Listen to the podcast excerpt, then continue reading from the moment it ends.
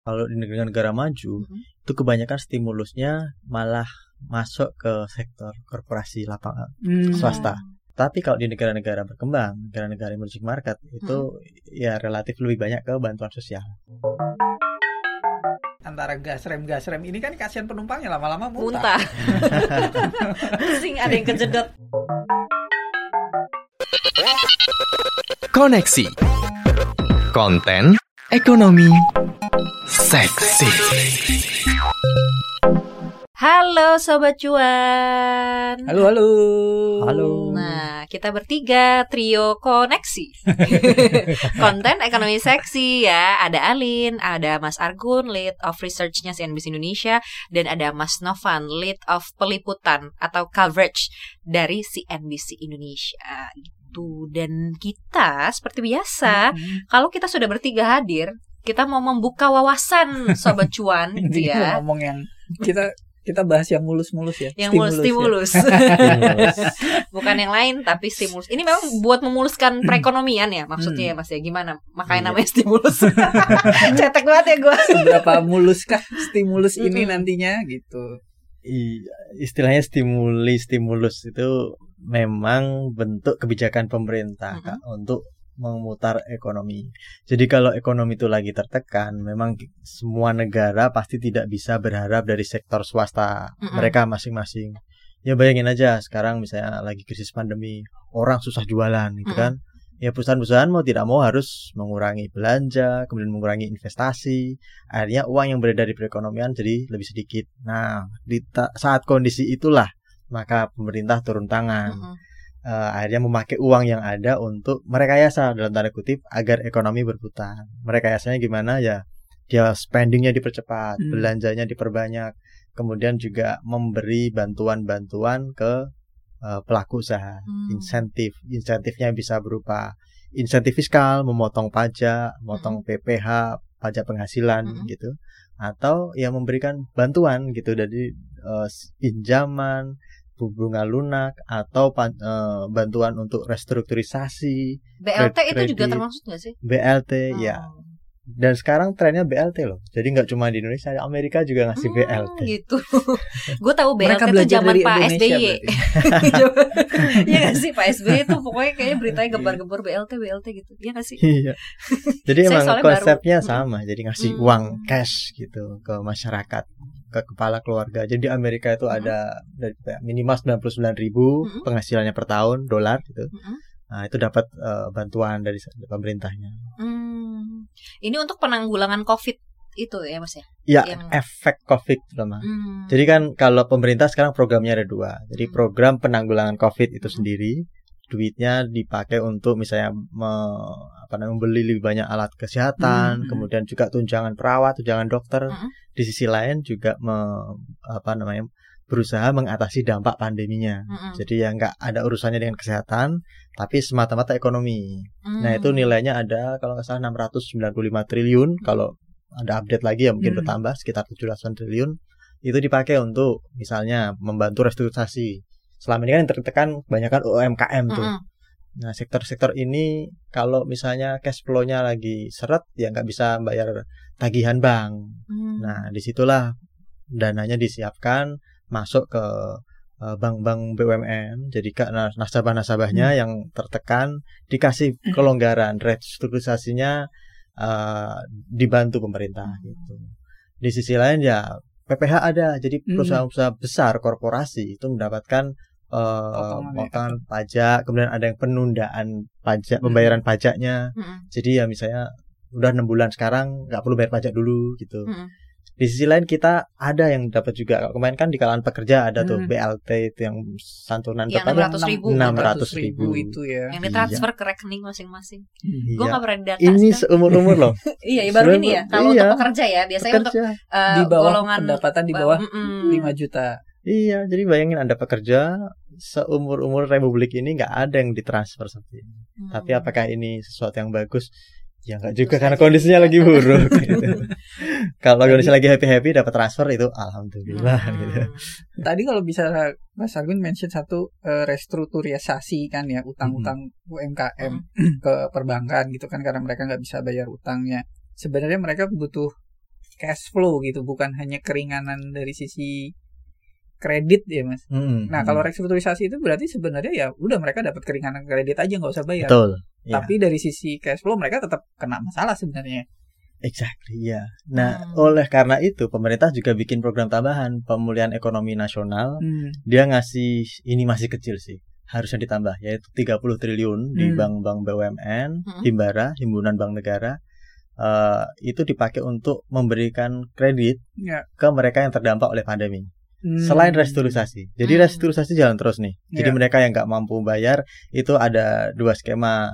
Mereka pecah-pecah itu di bank-bank. Jadi uh, ada yang dinilai terdampak tetapi tidak perlu direstrukturisasi. Hmm. Artinya uh, kreditnya skemanya masih sama. Mereka masih harus membayar cicilan Hmm. Uh, karena dianggap masih mampu. Sementara yang sudah terdampak, nah sudah itu masuk di kolam restrukturisasi itu Hmm. bentuknya bermacam uh, ada ada tahapan tergantung uh, apa namanya kegawatan kondisinya. Iya. Jadi kalau yang nggak terlalu gawat ya misalnya dia disuruh bayar uh, cicilannya itu dikasih diskon Hmm. cicilannya. Uh, ada juga yang dikasih jeda tadi itu. Jadi Hmm. bayarnya enam bulan ke depan saja nggak apa-apa atau tiga bulan ke depan nggak apa-apa. Dan itu di Bank Indonesia diperhitungkan uh, apa namanya tetap masuk uh, kolektabilitasnya tetap lancar kolektabilitasnya gitu ya. ada. Mhm. Ya, jadi perhitungannya agak diubah dikit. Jadi kesehatan bank Hmm. tetap bagus gitu, meskipun ada penundaan itu. gitu. Hmm. Dan eh, ada juga yang itu kalau dana pemerintah kemudian dipakai untuk me, apa namanya Hmm. membayar premi. Hmm. Jadi premi mereka kan mereka ada kredit, asuransi kredit gitu. Ya. Nah preminya dibayarin lagi. Jadi ketika mereka nggak bisa bayar default misalnya, Hmm. nah preminya itu di Askrindo misalnya salah satunya perusahaan asuransi itu Hmm. nanti akan bayar ke perbankan itu. Hmm. Jadi ketika ada apa namanya ada klaim karena satu UMKM gagal bayar, diambillah dana klaim itu dari Askrindo ke perbankan tersebut dan siapa yang bayar klaimnya ya pemerintah preminya. Hmm. Jadi ada beberapa skema itu. Mm-mm. Berarti selain selain meringankan dari sisi eh, utang tadi utang, terus kemudian juga ada pemberian eh, dalam tanda kutip pemberian kredit baru juga gitu kan buat yang Hmm. terdampak. Jadi kalau misalnya mereka punya masa apa masalah likuiditas, sebenarnya pemerintah nitipin duit di perbankan untuk bisa disalurkan ke UMKM yang terdampak gitu kan ya. Mm-mm, mm-mm. Cuma memang nominalnya masih masih kecil kayaknya ya Mas ya. Iya. Yang tadi di mention berapa triliun tadi. Yang untuk kredit. Oh yang pen. Iya baru 30 triliun karena eh, pemerintah mengasumsikan 30 triliun di bank-bank BUMN itu nanti bisa di apa namanya dijadikan kredit tiga kali lipat gitu. Oh. Jadi 30 triliun nanti yang terkucur ke sektor real 90 triliun. Uh, asumsinya seperti itu. Dan uh, dibayangkan kalau uh, total kredit perbankan kan sudah ribuan triliun gitu. Jadi kalau 90 triliun berapa persennya gitu. Di sisi lain memang ada tambahan dari uh, BPD, Bank Bank Daerah. Pembangunan daerah itu kan juga dapat sekitar 12-an triliun, 12,5 triliun. Eh, sama konsepnya. Jadi dipaksa untuk menyalurkan ke mereka yang membutuhkan Hmm. gitu. Jadi mereka yang terdampak pandemi harus em, mendapatkan bantuan ini. Asumsinya ketika cash flow-nya terganggu, tiba-tiba bank datang menawarkan bantuan kredit, eh, bukan bantuan ya, ini tetap kredit, eh, kredit komersial. Tetapi bunganya ya lebih negotiable dan kemudian itu digunakan untuk membayar membiayar yaitu kebutuhan cash flow mereka. Hmm. Harapannya kalau misalnya eh, tanpa bantuan itu bisa dibilang efek pandemi bikin ekonomi tertekan kuartal ini. Hmm. Iya. Nah dengan bantuan-bantuan tadi Hmm. efeknya bisa ditunda gitu. Ditunda tiga bulan ke depan atau enam bulan ke depan. Terdistribusi bebannya gitu, beban ekonominya gitu. ya. Betul dan diharapkan ketika itu terjadi tiga atau enam bulan ke depan sudah ada vaksin. Hmm. Nah Oke. persoalan beres gitu. Jadi mengulur waktu juga Mengulur. gitu ya. Ulur waktu Mengulur ya, waktu. buying time lah istilahnya Iya. sampai vaksin selesai. Ntar jangan-jangan vaksin selesai terus divaksin langsung ditagihin semua ya? Cepat-cepat. Pasti itu, iya, iya. Karena memang eh, kalau di Amerika Serikat bahkan kan eh, Trump itu sempat mewacanakan kita beli saja eh, tiket, Tiket pesawat penerbangan ya. ya. pemerintah itu sampai 2-3 tahun ke depan Hmm. itu dibeli di muka saat ini juga untuk membantu Airlines, maskapai ya. mereka airline mereka. Hmm. Contohnya seperti itu. Jadi pemerintah benar-beneran spending spending saat ini juga untuk menunda efek pandemi terhadap Hmm. perekonomian. Karena kalau misalnya efeknya dikumpulkan, ya minus ekonominya bisa lebih parah lagi. Kemarin kita sudah minus 5,3 persen di kuartal 2. Ya kalau nggak ada seperti ini, ya dikhawatirkan bisa lebih parah lagi. Gitu. Hmm. Nah kalau dengan adanya stimulus, insentif, harapannya kalaupun ekonomi melambat kayak pesawat itu, Mm-mm. dia eh, apa namanya mendaratnya itu tidak keras, tidak hard landing istilahnya. Tapi ya pelan-pelan, smooth. Jadi masyarakat nggak kaget, efek sosialnya juga terbatas. Hmm. Harapannya seperti itu. Intinya sekarang ini pemerintah benar-benar menjalankan kebijakan yang kalau ekonom barat bilang itu yaitu helikopter uang. Hmm. Itu Hmm. istilah untuk menyebutkan di mana eh, kondisi di mana bank sentral turun tangan bantu pemerintah Hmm. untuk memasok dana. Ya ibaratnya kita kan ya ibaratnya kayak apa ya? Kalau ada ada kondisi banjir misalnya, Hmm. orang-orang pada mengungsi. Nah, itu kan kalau di film-film ya gitu. Ada eh, apa namanya orang-orang yang melihat harapan dari helikopter yang datang membantu mereka Hmm. gitu. Nah, kurang lebih seperti itu. Nanti helikopter ini datang memberikan harapan, memberikan berkepok-gepok uang untuk membantu mereka yang membutuhkan saat ini. Nah, gitu. Konsepnya seperti itu. Eh, ini mengindikasikan eh, pemerintah memang kesulitan. Kita harus akui bahwa pemerintah kesulitan dalam hal penerimaan negara. Hmm. Pajak turun Mm-mm. kemarin. Kenapa? Karena ya wajar terjadi pandemi, eh, aktivitas penjualan turun, Ya. bisnis agak seret, jadi orang bayar pajak pun eh, pen- eh, menurun besarannya, ya kan? Hmm. Karena kalau PPH kan pajak penghasilan hitungannya dihitung dari penghasilannya berapa. Nah, kalau penghasilannya turun ya sudah, Ya. turun juga setorannya. ya masa masa normal aja setorannya juga masih sering di ini gitu apalagi masa sekarang gitu Masih ya kurang ntar aja lah ya sering jadi Iya. makin gitu kan Heeh. iya ya tapi kalau misalnya melihat eh, apa namanya memang stimulus ini kan memang sering dijadikan ya kartu truf lah pemerintah kalau misalnya memang dalam kondisi ekonomi ada ada sesuatu Hmm. terhadap sistem ekonominya gitu kan yang jelas misalnya entah untuk menjaga daya beli, entah untuk menjaga korporasi dan kegiatan ekonomi lainnya. Mm-mm. Cuma seberapa bukan menubrukkan ya, tapi Hmm.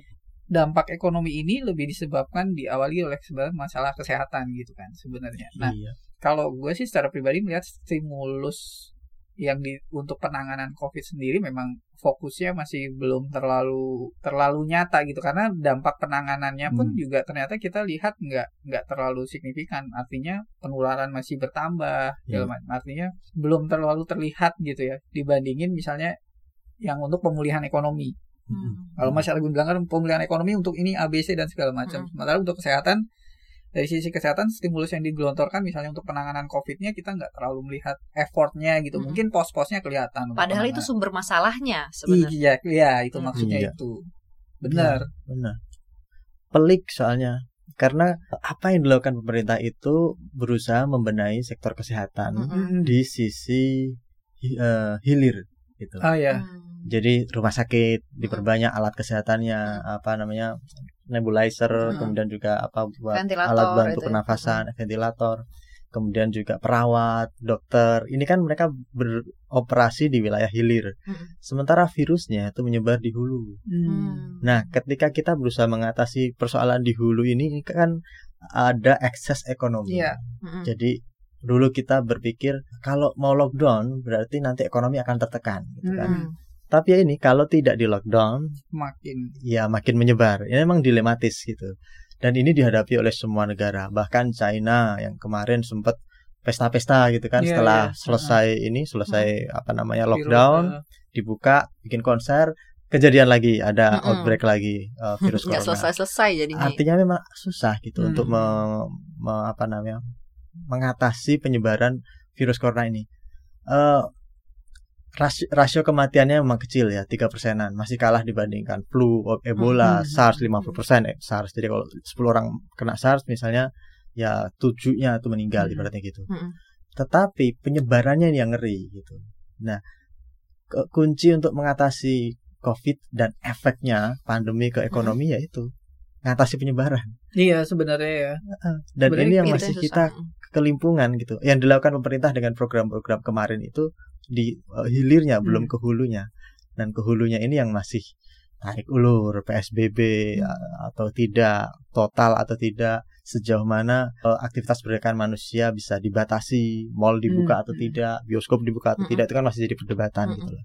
Itu yang repot. Nah, kalau kemarin kita kan di masa PSBB pertama, Hmm. kemudian masuk PSBB transisi, kemudian balik lagi ke PSBB yang ya nggak total juga sih, nggak total dan nggak transisi juga. Artinya in between maksudnya tidak setotal yang pertama gitu kan, Ya. tapi tidak sebebas PSBB transisi gitu. Ini emang agak-agak agak-agak Agak nggak jelas. agak bingung, bingung lah Iya, ya agak- kita Sintal, sebagai transisi masyarakat. dan total. Iya. karena in between itu kan karena kan di- setelah di PSBB pertama gitu kan terus kemudian masyarakat masuk masa transisi ya Mhm. masyarakat sudah mulai terbiasa lagi bergerak ekonomi sudah mau mulai ya bergerak lagi meskipun di tengah di tengah outbreak yang kemudian kasus hariannya juga nambah gitu kan Mm-mm. terus kemudian tiba-tiba harus di stop lagi ya pengusaha atau orang juga makin banyak yang bersuara gitu kan sampai Hmm. ada surat dari surat cinta dari orang terkaya Di di Indonesia. Indonesia, Indonesia. gitu kan Orang mengenai- terkaya aja teriak. Kabar kita kita ya, sobat cuan ya.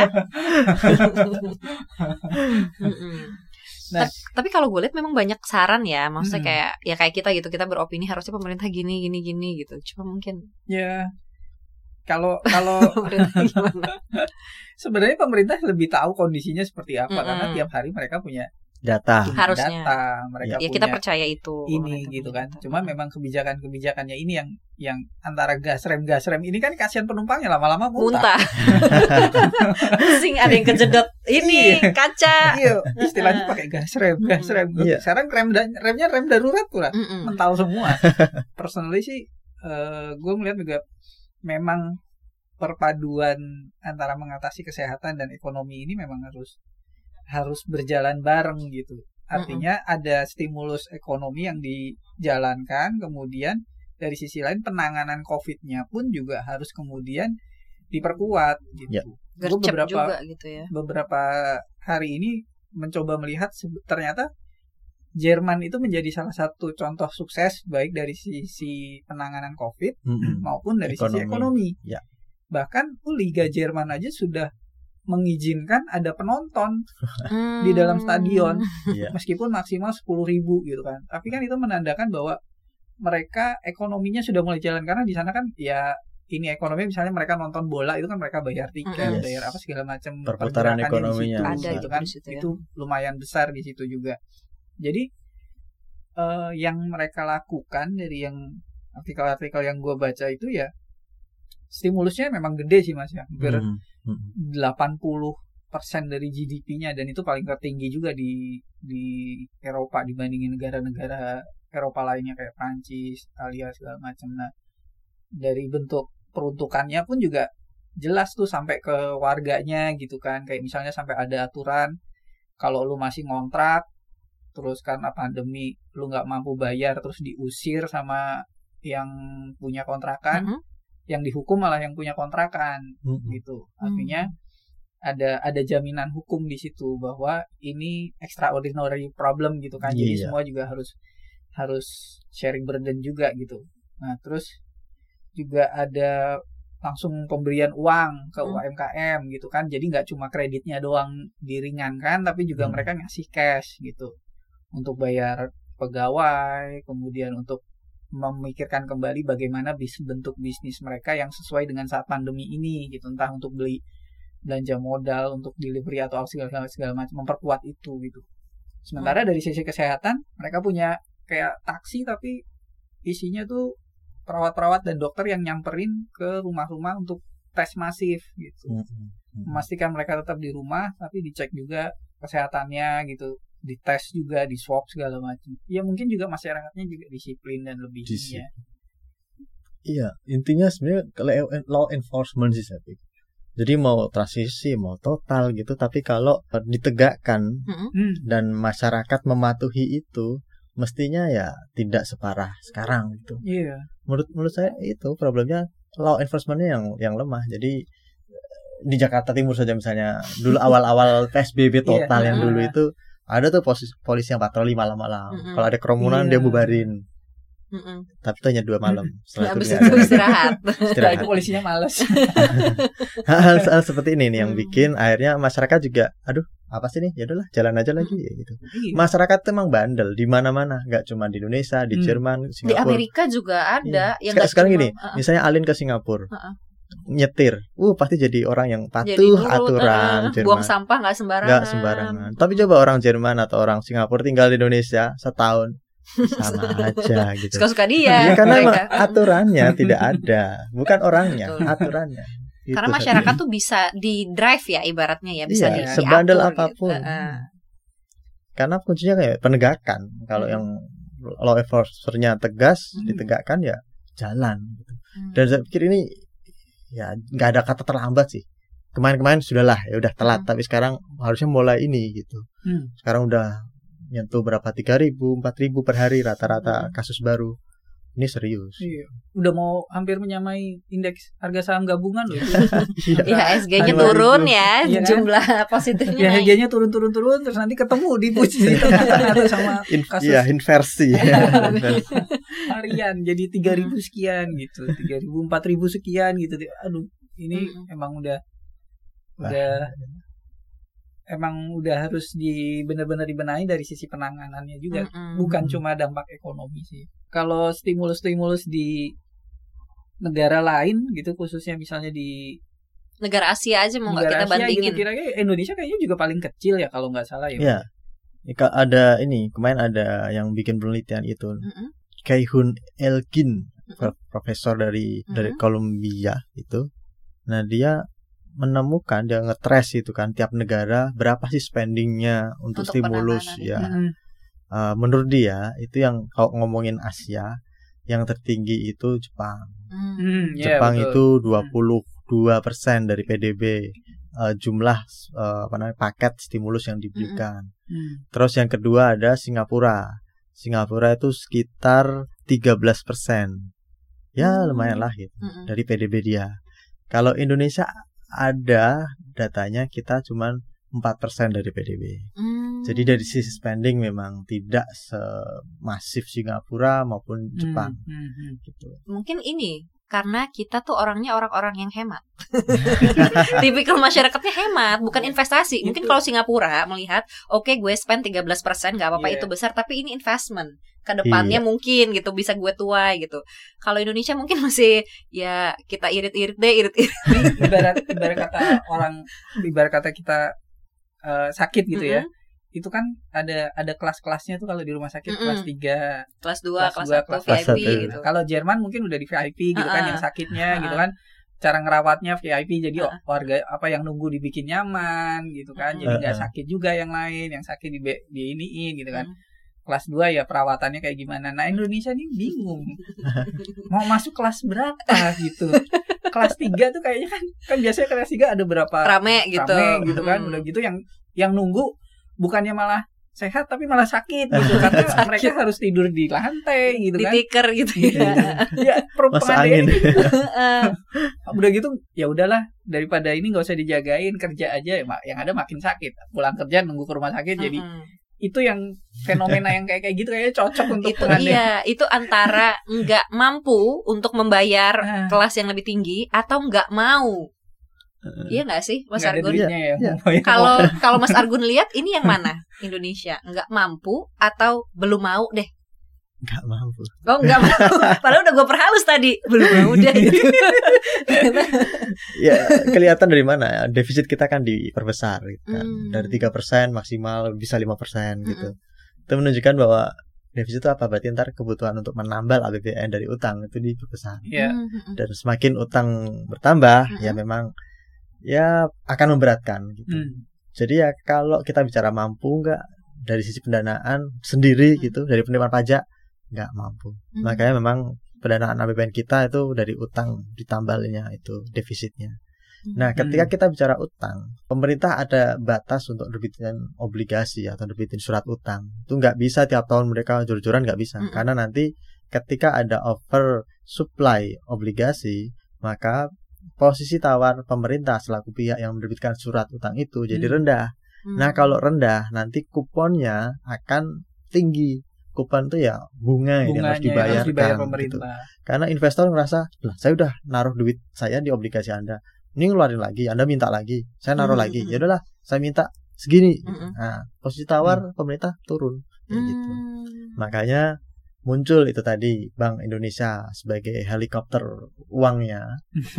Dia membawa uang buat beli obligasinya pemerintah gitu. Hmm. Tapi Jadi- biasanya kalau misalnya orang sakit ya mau nggak mau harus ya ada mau jual aset. Iya. Pasti kalau ada keluarga sakit biayanya gitu ya harus Iya. dikeluarkan demi Iya, kesembuhan demi gitu. ya demi sehat supaya juga ya cari kan kalau misalnya sehat juga cari duit juga genjot lagi cari duit juga bayar utang juga oke oke aja kasarannya itu dia mindsetnya adalah Kayak bahwa gitu kali Yang ya. penting sehat dulu kan Ah, gitu. iya karena ya mau nggak mau emang motornya kan warganya gitu masyarakatnya kalau masyarakatnya nggak dibikin sehat sejahtera Sejahtera. sehat at sejahtera all cost gitu kan gimana bisa menyumbang kesejahteraan ekonomi buat Mm. buat negaranya juga sih memang Hmm. Tapi itu total 4% dari PDB Indonesia yang dikeluarkan untuk stimulus penanggulangan COVID ini ya Mas Hmm. ya.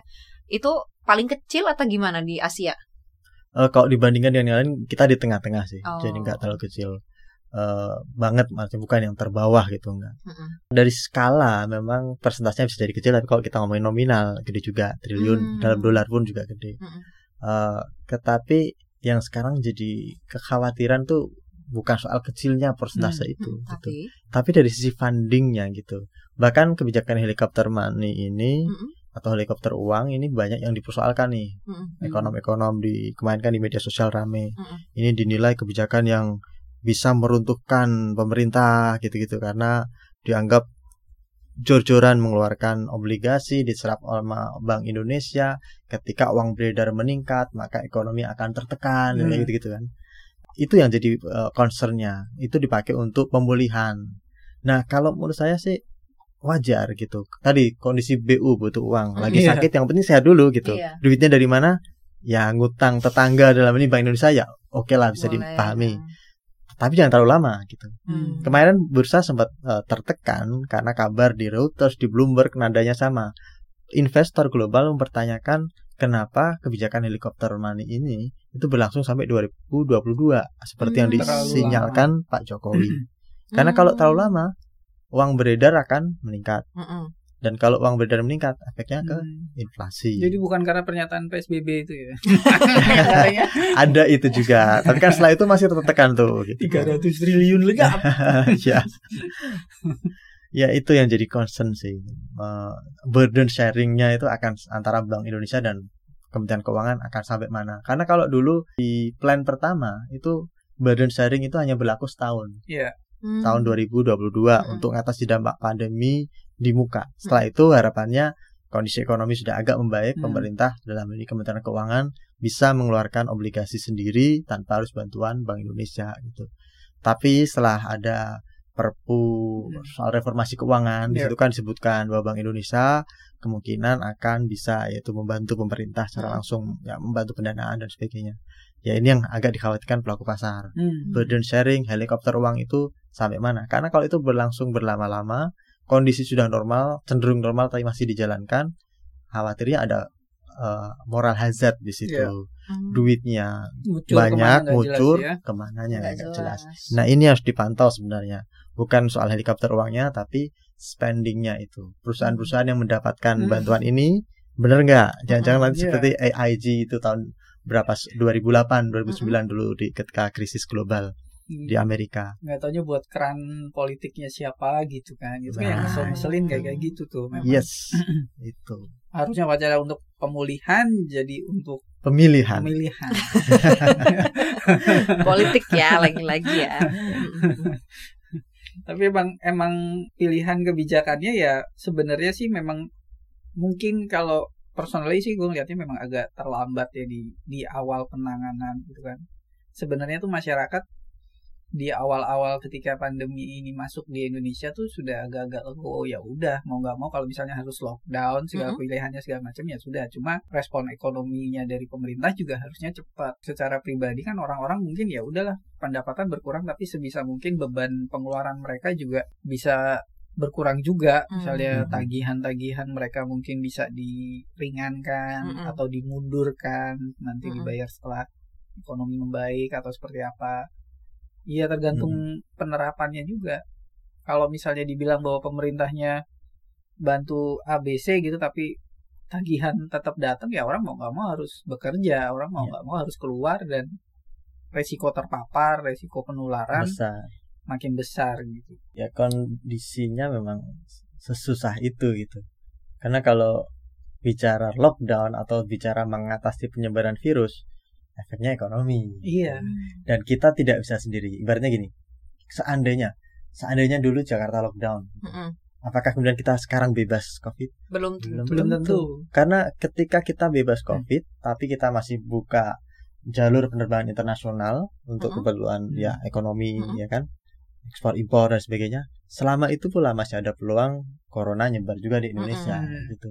Jadi memang di- kalau mau hilang harus sama-sama bareng-bareng semua negara harus hilang semua baru Hmm. selesai nih masalah Hmm. tapi kalau Cina hilang habis itu ada impor kasus dari Rusia seperti Iya, kabar- Cina dikabarkan masuk Cina Iya. udah bebas, masuk dari siapa gitu. itu dia Coronanya pulang kampung. mudik dia Tapi jadi kemudian juga lucu kan ketika kita tidak memutuskan untuk lockdown dan penanganan kita juga lemah gitu kan. Mhm. Ya akhirnya kita juga kita yang di lockdown oleh negara-negara tetangga.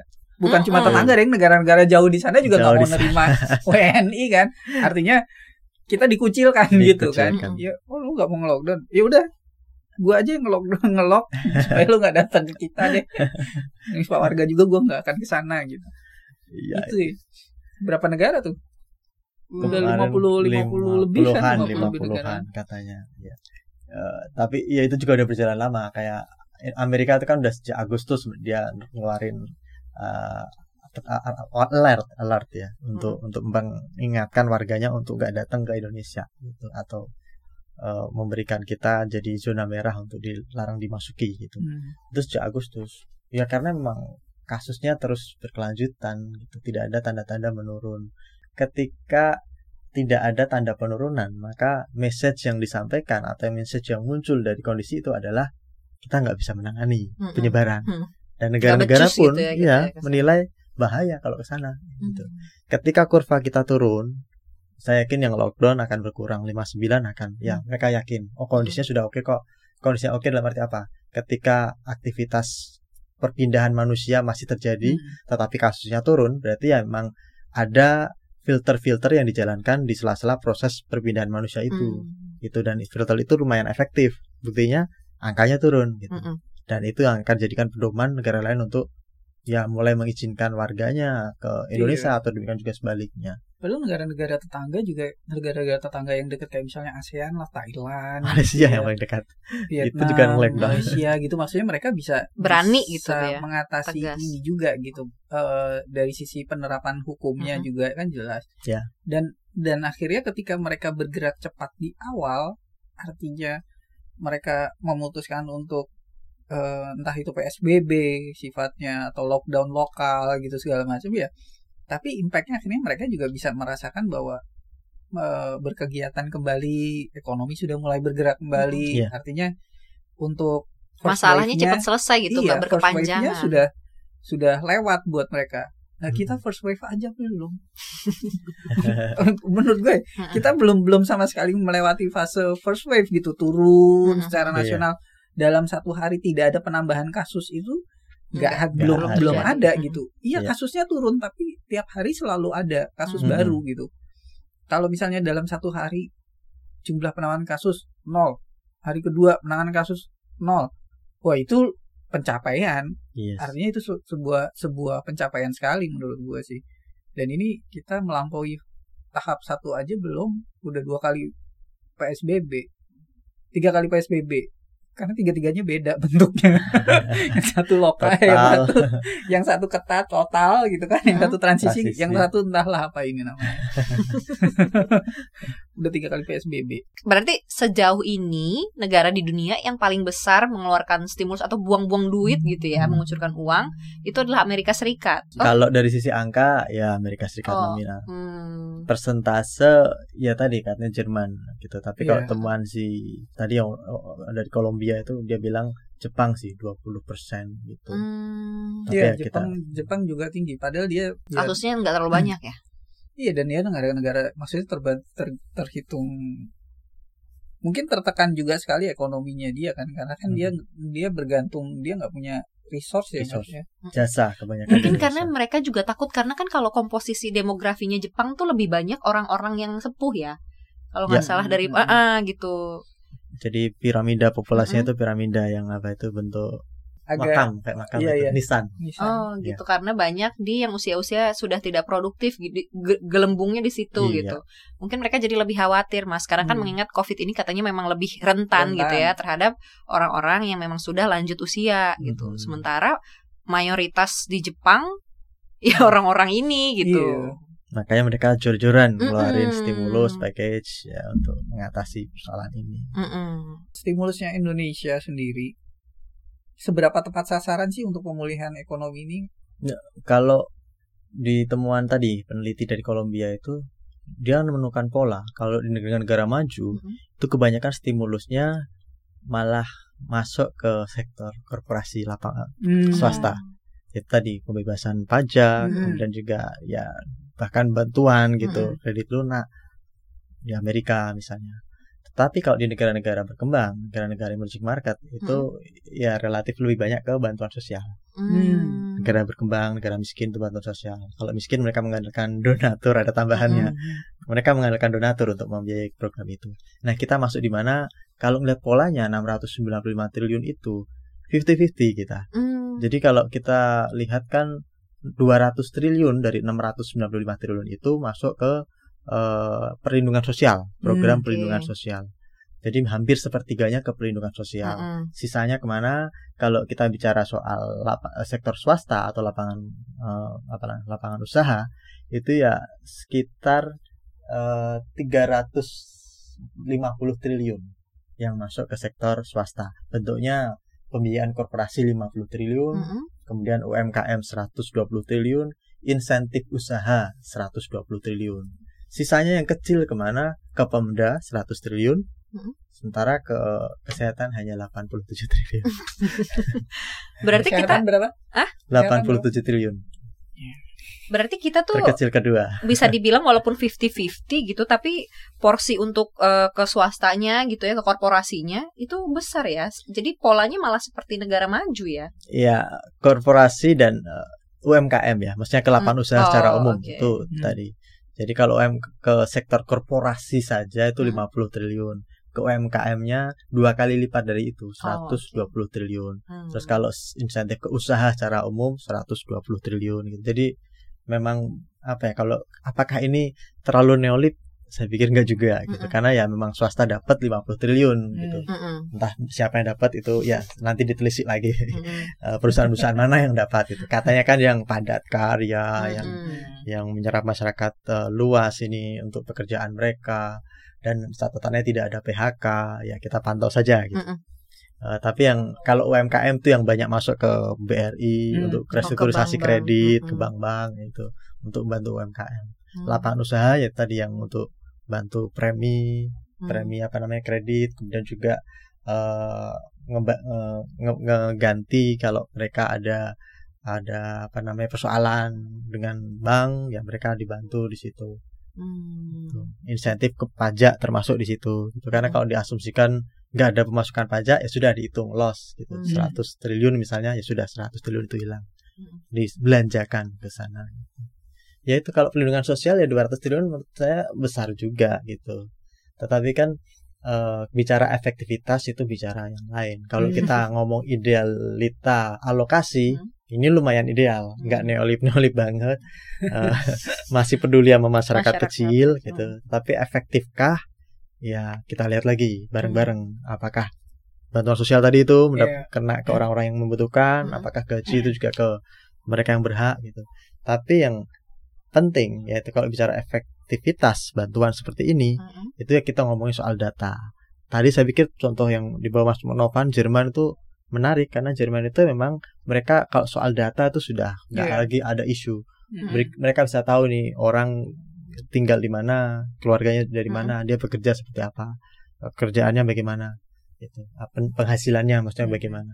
Jadi kalau di Indonesia kan enggak, kita nggak ngerti nih Indonesia, siap iya. tiba-tiba kita PHK, memang ada yang eh, mendata kan enggak gitu. Mm-mm. Kalau di Amerika ya se bisa dibilang mungkin dia tidak sosialis gitu ya, Iya. kapitalis Mm-mm. banget. Tetapi mereka ada klaim pengangguran gitu ya. Jadi Mm. kalau kita di PHK hari ini, Mm-mm. kita langsung bisa mengajukan klaim itu ke Sehingga Departemen data Tenaga ya, Kerja. Iya, bahwa pengangguran nambah Tuh. betul. itu korban mingguan PHK nambah Hmm. karena yang ngeklaim makin banyak makin banyak gitu. gitu. Sistemnya udah bagus gitu ya, udah Iya. ajak gitu ya. Iya, karena apa? Mereka sudah ada social security net. Hmm. Sek- eh, jadi ap- ada so- social security number tiap orang itu Mm-mm. pegang SSN. Jadi kalau saya berapa SSN-nya? Saya apal. Karena Hmm. itulah ji- Wajib. apa namanya penyelamat saya di negara ini gitu, di negara Amerika Hmm. gitu. Oh, eh, mungkin saya nggak hafal nama pacar saya atau ulang tahunnya, Hmm. tapi SSN saya pasti hafal. Hmm. Karena kalau saya ditanya berapa, nah, kamu siapa? Ini berapa SSN-mu? Mm-mm. Apal, ya udah dicatat. Oh berarti dia ada ini Iya. tunjangannya. Mm-mm. Gitu. Hmm, kalau kita NIK tuh buat apa sih? Nah arahnya ke sana Nika itu. Kalau di Nika di ya, KTP, kalau ah. di Indonesia Google aja lebih punya data yang presisi dibandingkan pemerintahnya.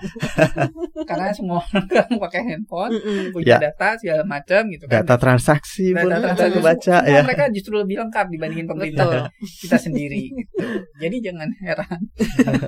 Dialin transaksi e-commerce berapa? Oh, mungkin di Ketahuan. Google udah kebaca Ah, ah. gitu. Pola konsumsinya gimana gitu kan ya pemerintah kita ya kita doakan saja Cepet sehat. ya. Cepet sehat. cepat sehat eh, negara dan masyarakatnya gitu ya. Iya sih, semua mudah banget berpikirnya adalah sebenarnya yang lebih bikin gregetan itu ya balik lagi stimulus penanganan kesehatannya belum kelihatan gitu. Effortnya untuk kemudian eh tracking Mm-mm. ketika orang swab aja swab gratis ya itu butuh waktu tujuh hari Mm-mm. hasilnya. Hmm. Ya orang udah ke mana-mana itu orang. Ya. Udah ketemu orang banyak Iya, orang gitu. udah ketemu orang lain baru dibilang oh Ternyata anda positif. Ya.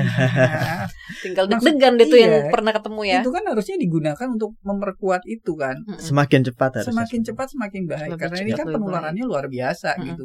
Ya. Mungkin fatality rate-nya rendah tapi tetap saja penularannya masif dan itu Ya. sangat sangat berpengaruh. Mm-mm. Takutnya nanti jadi mungkin emang dibiarkan herd immunity.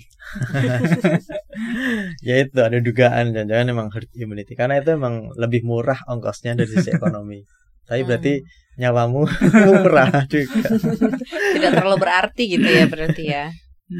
Iya deh. Bicara soal itu eh, tes yang cepat itu emang kunci. Makanya banyak negara yang berlomba-lomba bikin tes akurat dan cepat. Kemarin Israel tuh yang sempat eh, Hmm. jadi ramai di pemberitaan. Dia Hmm. bisa bikin alat untuk ngetes eh, kita positif atau enggak kena COVID hanya dalam hitungan menit. Nah ini Hmm. harusnya terobosan. Eh, Hmm. Semua negara mestinya berlomba-lomba di sini sebelum berlomba-lomba untuk bikin vaksin. Ya. Karena kalau vaksin itu butuh waktu lebih lama. Hmm. Vaksin paling cepat dalam sejarah eh, dunia ini itu vaksin gondongan Mm-mm. itu empat tahun. Hmm. Itu paling cepat. Corona katanya bisa satu tahun atau dua tahun. Ya mungkin bisa dengan asumsi pengembangan vaksin coronanya sudah lama. Ini kan corona versi baru, varian Mm-mm. baru, strain baru. Nah, mungkin sudah dikembangkan sebelumnya. Sekarang varian baru tinggal menyesuaikan uh, apa susunan enzimnya Mm-mm. bagaimana Mm. begitu. Jadi semoga bisa lebih cepat. Tapi ya secepat apa pun setahun itu masih lama. Yang lebih cepat harusnya dan lebih efektif untuk mengatasi penyebaran. Ya apa yang dilakukan Israel tadi itu?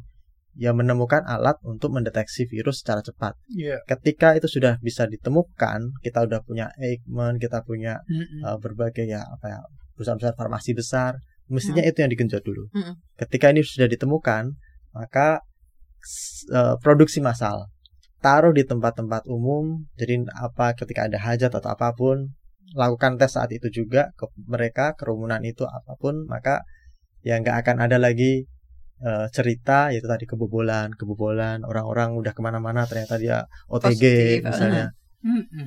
jadi ketahuan sekali ketahuan dia langsung ya itu isolasi atau di terapi seperti Mm. itu. Artinya Iya. ini kan kita perang melawan musuh yang nggak kelihatan gitu. Nah, musuh yang nggak kelihatan ini itu pintarnya dia bisa me- menelusup, menginfiltrasi tentara kita ibaratnya gitu. Mm. Jadi tentara kita itu pada meninggal gitu ya karena nggak ketahuan bahwa dia itu sebenarnya udah jadi musuh Hmm. gitu. Jadi untuk ngatasi musuh yang nggak kelihatan dalam perang ini, ya senjatanya apa? Senjatanya bikin musuh itu kelihatan dulu. Hmm. Nggak perlu mau bikin senjata apalah meriam, Mm-mm. bom atau apa pun yang canggih-canggih untuk membunuh virus itu jangan dulu, tapi bikin dia kelihatan dulu gitu. Artinya penyebarannya atau pergerakannya harus terdeteksi. Menurut Iya. saya itu. juga ini sih Hmm. sekarang tuh kan kalau dari pas awal-awal covid tuh banyak banget tuh penggalangan dana Mm-mm. sampai berapa m berapa m gitu ya mas ya Mm-mm. terus kayaknya sekarang tuh udah agak kendor Kendor. Iya. Iya Ya. kan Karena Kemampuan yang Iya. memberikan pendanaan siapa? masyarakat Perusahaan-perusahaan. oh perusahaan Dan kemarin saya sempat bertemu dengan salah satu petinggi eh, perusahaan. Ya, kemarin saya ikut penggalangan 5 miliar. Mm-mm. Kemudian ikut lagi 2 miliar. Mm-mm. Setelah itu ya udah nggak ada lagi. Iya. gitu. udah saya kasih semua gitu Kondisinya kayak gini udah gitu. terbatas. Terbatas. Karena kan mereka juga harus menjaga kesehatan cash flow-nya. Cash flow. eh, ininya Mm-mm. juga. Jadi di awal ketika itu didengungkan mungkin masih oke. Tapi Mm-mm. kalau kondisinya berlama-lama berlarut-larut, ya mereka punya prioritas juga perusahaan-perusahaan ini kan. Mm-mm. Cash flow yang lebih utama. Gitu. Gitu jadi ya pemerintah lah harapan kita satu-satunya kalau dari segi stimulus ataupun dana ya, Ya. eh, rekayasa segala macam gitu deh teknisnya kita serahkan kepada pemerintah Mm-mm. tapi di lapangannya kita juga harus bantu gitu untuk ya kita disiplin Ya. Ja- eh, protokol kesehatan tetap diterapkan Ya. gitu kan dan dipatuhilah nih PSBB bukan transisi. Bukan total. Iya. begitu sobat cuan. Karena ya ya itu sih kalau gue lihat kan dulu tuh apa pas awal gitu ya ketika ini belum separah sekarang itu banyak bahkan masyarakat aja menggalang dana gitu kan mas ya mm Hmm. gitu. Sekarang semua mau menyelamatkan diri sendiri dari segi ekonomi juga gitu Hmm. kan. Dan dari segi kesehatan juga alangkah baiknya kalau kita juga sadar gitu kita harus menyelamatkan diri sendiri juga gitu Makanya dulu dulu itu kan penggalangan saya penggalangan dana buat tujuannya apa? Beli masker, Mm-mm. terus per APD, Ya. Mm-mm. tenaga Alutsista. kesehatan. Itu kan sibuk. kemudian ketika pemerintah sudah berhasil mengatasi kelangkaan-kelangkaan itu mereka pikir ya udah udah Selesai. aman Selesai, Nah, gitu. ah. karena ketika nanti ada yang sakit masuk rumah sakit kapasitas rumah sakitnya ada Mm-mm. dokternya udah pada pakai APD Mm-mm. Dianggap se- ya, dia anggap aman. aman tinggal ngerawat aja yang sakit Hmm. kasih obat yang memang biasa segala macam itu yang mindset itu yang kemudian iya yang gua personally agak-agak uh, gregetan gitu maaf ya segitu dulu untuk koneksi di episode kali ini. Kita ketemu lagi di episode depan. Eh, saya Alin. Saya Arif Gunawan. saya Novan Kita pamit ya sobat cuan. Dah. bye